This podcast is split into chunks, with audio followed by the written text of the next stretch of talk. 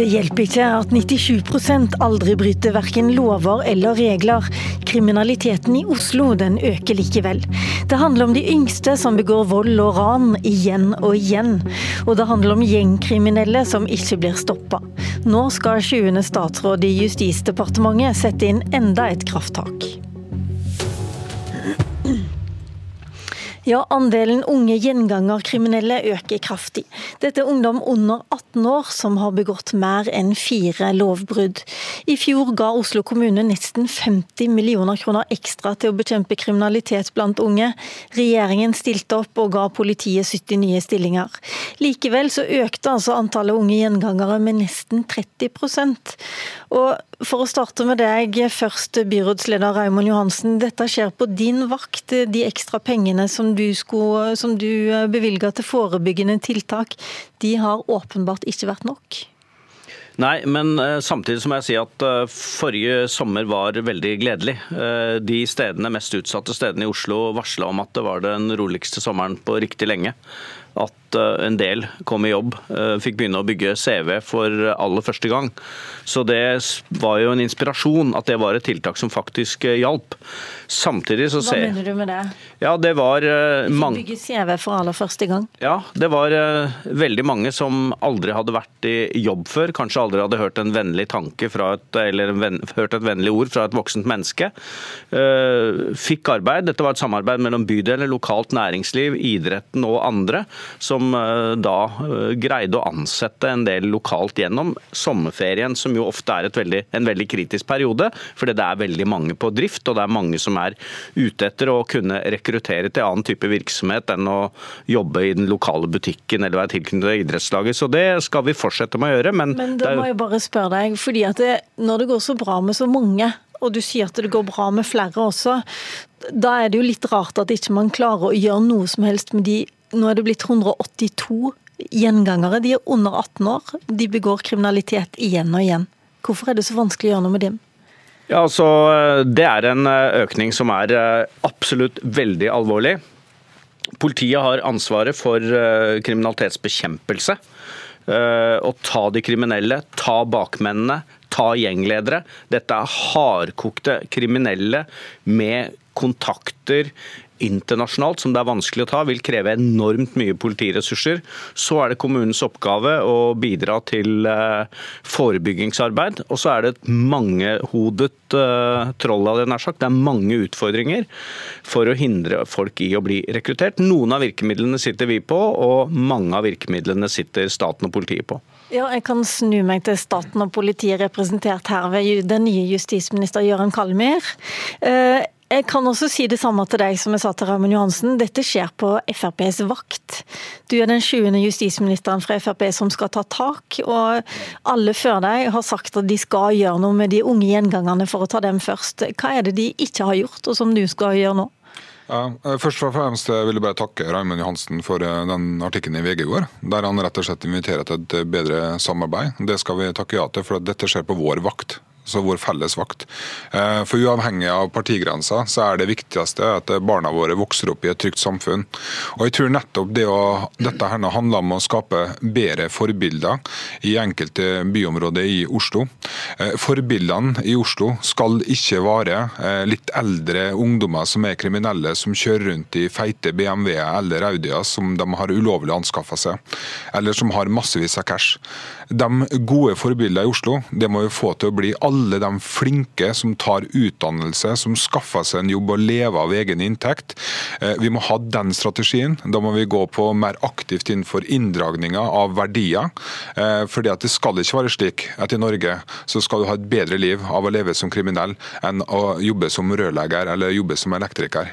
Eh, vi er nødt til å være knallere mot dem som vi tror er på toppen i disse hierarkiene her nå. Samtidig så har vi en stor utfordring med mange mindreårige som begår til dels svært alvorlig kriminalitet. Det er snakk om knivstikking, det er bæring av kniv, og mange av dem er også under 15 år. Og Da begynner det å bli ekstra vanskelig, og da er det spesielt viktig at jeg I og Raimond uh, jobber godt i lag, for da er vi både inne på politisporet og også barnevernssporet, som Raimond har ansvaret for. Og Da må vi også vurdere f.eks. vi skal ha forsterka institusjoner i barnevernet, slik at vi har mer kontroll på disse ungene. Før du tar absolutt hele rekka di, så har jeg bare lyst til å høre litt fra Dagsrevyen den siste, siste helga. Det er jo ingen som starter med å være hardbarka kriminelle. Noen starter med mindre kriminalitet, og det kan være alvorlig nok for dem det gjelder. Nå i helga kunne vi se på Dagsrevyen at vestkantungdom har blitt pressa av ungdommer med minoritetsbakgrunn for penger. Han har opplevd å bli pressa for penger, og han har følt seg trua til å måtte gi fra seg penger. Og hvis ikke, så var det en trussel bak det som for han var veldig alvorlig. Sønnen min hadde jo ikke noe penger, så han fikk jo ikke betalt noe som helst. Og det førte jo til at truslene mot han ble veldig sterke, da. Det kom jo helt dit at de skulle både knuse hodet hans og brekke nakken hans. De truslene var veldig reelle for han. Og de reelle foreldrene de tør ikke stå fram i frykt for hevnaksjoner, så det var NRK-stemmer vi hørte her. Men uh, Raymond Johansen, det er jo også en ekstremt delt bydel når innvandrerungdom fra øst kommer til vest for å rane rikere norske ungdommer. Hva må ja. gjøres? Ja, altså For det første så er det jo svært få som gjør det, og det er like forferdelig hver eneste gang det skjer. Og eh, Vi tror det er viktig å ha fulgt opp initiativet ved å eh, forby salg av macheter. Eh, det er jeg glad for at nå Justisdepartementet og justisministeren er enig i. Du hoppa veldig fort over akkurat den situasjonen er, som vi har ja, nå. Det er klart det er veldig mange tiltak som vi må sette i verk. For oss som driver på det forebyggende, så er dette med fattigdomsbekjempelse veldig viktig. Veldig mange bor i små trangbodde leiligheter med mange barn, foreldre med lite norskkunnskap, er ikke i arbeid. Da er det de eh, litt vanskelige, tunge tingene. Det å bygge nok barnehageplasser. Det å ha nok lærere i én eh, til fire det å ha noen med pedagogisk, eh, godt pedagogisk eh, kunnskap i, i, barnehagene. For det er en utfordring at en del ikke kan noe norsk når de begynner på skolen. Det å spre boligmassen er igjen et sånt tiltak. Vi har spurt om å få eh, bli en forsøkskommune som fjerner kontantstøtten, så at vi greier å vri det over til aktive tiltak. At vi driver arbeidstrening med foreldrene. Samtidig norskopplæring med foreldrene. Det er de tunge forebyggende tingene som vi veit hjelper.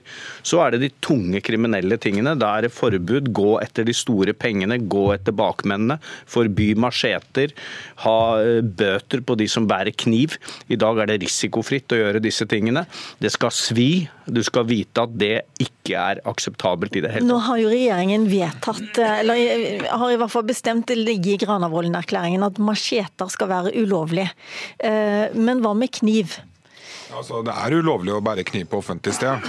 Eh, men eh, det jeg har gjort nå, det er at de har tatt initiativ til at de skal ha et møte med bl.a. Riksadvokaten og flere, hvor de kommer til å spørre dem er det noe flere ting dere trenger i verktøykassa, altså lovmessige endringer, for at vi skal faktisk ta dem også under 18 år og under 15 år? og gi en, altså Vi kan ikke gi strafferettslige reaksjoner på dem under 15 år, men vi kan i hvert fall gjøre det på dem under 18 år. Eh, for jeg tror det at vi kanskje har vært litt for eh, hva skal man si, lett i klypa eh, overfor den gruppa. Det må få en konsekvens når du bærer kniv på offentlig sted. Og vi ser Det er en ganske urovekkende statistikk i forhold til knivbruk. Vi ser en dobling for f.eks. av kniv, antall knivstikkinger eh, på en viss periode i år, sammenlignet med året før. Og Vi ser mye mer knivbæring. Eh, Så du vil stramme inn eh, stramme reglene for å bære kniv? Fordi at det er, det er altså slik at vi, vi, er nødt til å ta ansvar for at vi får, bort, får bukt med denne ungdomskriminaliteten og denne gjengkriminaliteten. Det sprer seg også til andre områder, til andre byer. Vi har nå fått rapporter om at også Follo, politi, Follo begynner å se den samme tendensene. Så, så dette er det viktig å få rett og slett knust, eh, og så tidlig som overhodet mulig kjempeglad for at vi sitter her nå, for det de gjorde i Sverige var at de ikke satt og diskuterte de problemene her nå på det tidspunktet. Eh, og så er det også et integreringsproblem, eh, fordi at de aller fleste av eh, disse her nå, det er andre generasjons innvandrere. Så vi er også nødt til å forbedre integreringa. Og der har også kommunen et ansvar. Det høres ut som om Arbeiderpartiet og Frp er helt enige i virkemidlene her, Raymond Hansen? Noen av virkemidlene er vi enig i. Vi har jo vært nå skeptisk til hvordan politireformen har virka for å ha et effektivt politi ute. Eh, jeg tror nok det er få kommuner som har merka virkningene av nærpolitireformen bedre enn oss. Fordi eh, her er det store utskiftning av de som jobber ute eh, med kunnskap til de ulike ungdomsmiljøene.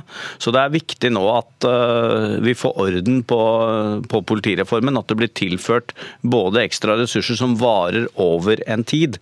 For det å ha kompetanse, kunnskap om de ulike personene, kunnskap om gjengene, muligheten til å kunne infiltrere, ikke være redd for det som møter deg. Det er et rekrutteringsutfordring. så Politireformen i seg selv er en stor, stor utfordring som vi tar opp jevnlig med politiet.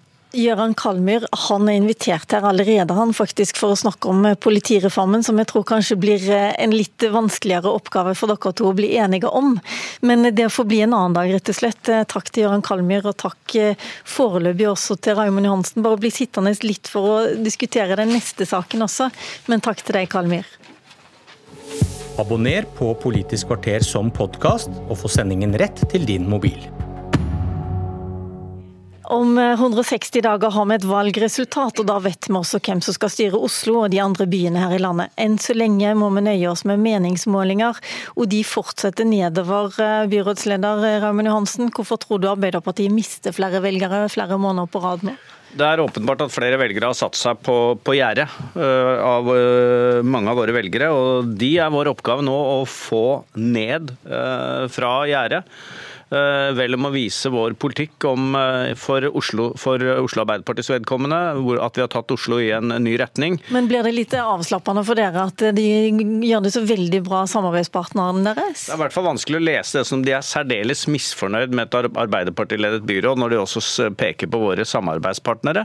Eh, vi skal være tydelige på hva vi vil innenfor miljøpolitikken, innenfor fordelingspolitikken, og ta fatt i de store utfordringene. Det virker jo likevel som om velgerne akkurat nå har en tendens til å foretrekke ikke SV og Rødt? Jeg tror det er veldig viktig nå at vi ikke har fokus på utenomsportslige aktiviteter, men at vi har en sterk fokus på hvordan vi skal eh, fortsette å bygge Oslo og fortsette å gjøre den i en grønnere, varmere og mer skapende retning. Du vil helst ikke snakke om metoo og Trond Giske i landsmøtet, er det sånn vi skal tolke deg nå? Vi skal snakke om politikk som er viktig for folk flest. Det er hvordan vi har miljøpolitikken, det er hvordan vi skaffer arbeid, det er hvordan vi gjør noe med de store fordelingsutfordringene som vi har i en storby som Oslo.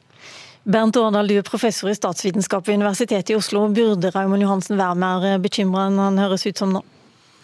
Det er klart at det å være Arbeiderpartiet nå er ikke så lett. For det første så har det vært veldig mye negativ oppmerksomhet knyttet til andre ting som han er inne på. Og det vi også har sett er jo at i perioder nå, når det roet seg litt, så så vi at Arbeiderpartiet begynte å øke på meningsmålingene. Og så kommer denne siste saken med, med Giske-videoen, og så plutselig så, så, blir det negativ oppmerksomhet. Og da faller man. Så vi ser at det er, en, det er nok en uro blant mange av de som kan tenke seg å stemme Arbeiderpartiet. Og som du var inne på, det vi også ser som, som både er en, en fordel og en ulempe for Arbeiderpartiet, Arbeiderpartiet, er jo at de taper så mange velgere til andre rød-grønne partier. Både til Rødt og til SV og til Senterpartiet og til Miljøpartiet De Grønne. Og det, det, gjør jo at, som man er inne på, at velgerne går ikke så veldig langt. Men samtidig så er jo dette også en utfordring for partiet. fordi at i den grad dette skulle bli et valgresultat, enten det nå er ved kommunevalget eller ved storting, neste stortingsvalg, så betyr det at det blir en veldig krevende koalisjon. Det blir en veldig bred koalisjon, og hvor flere av disse eventuelle samarbeidspartnerne ikke akkurat er så veldig glad i hverandre. Men foreløpig så er det jo kommunevalg vi har eh, foran oss eh, til høsten. og jeg bare lurer på, Høyre Høyre faller, de faller jo enda mer enn en Arbeiderpartiet. De går ned med 3,7 prosentpoeng. Så bare lurer på, De har jo som mål å ta over makta i de store kommunene. Kan de klare det med, det med, et sånt resultat? Ja, akkurat denne siste målingen så har de et ganske kraftig uh, og markant fall. Men uh, sånn totalt sett så ligger jo de i nærheten av det de har hatt ved kommunevalg tidligere. Uh, men det er klart at for å på en måte kunne ta fra de rød-grønne nå makten i flere av de store byene, så trenger de et ekstra, ekstra puff. Og det som også er utfordringen for dem, er jo at selv om da Arbeiderpartiet sliter i flere av byene, så er det de, disse andre andre partiene som da kan bidra til at det likevel kan bli enten at man beholder makten, eller at man kan få et maktskifte. Så det er en ganske komplisert eh, politisk situasjon akkurat nå. Tusen takk til deg, Bernt Årdal. Takk også til deg, Rammen Johansen. I morgen så kommer Jonas Gahr Støre som gjest i Politisk kvarter, for da åpner landsmøtet i Arbeiderpartiet. Mitt navn er Lila Sølhusvik.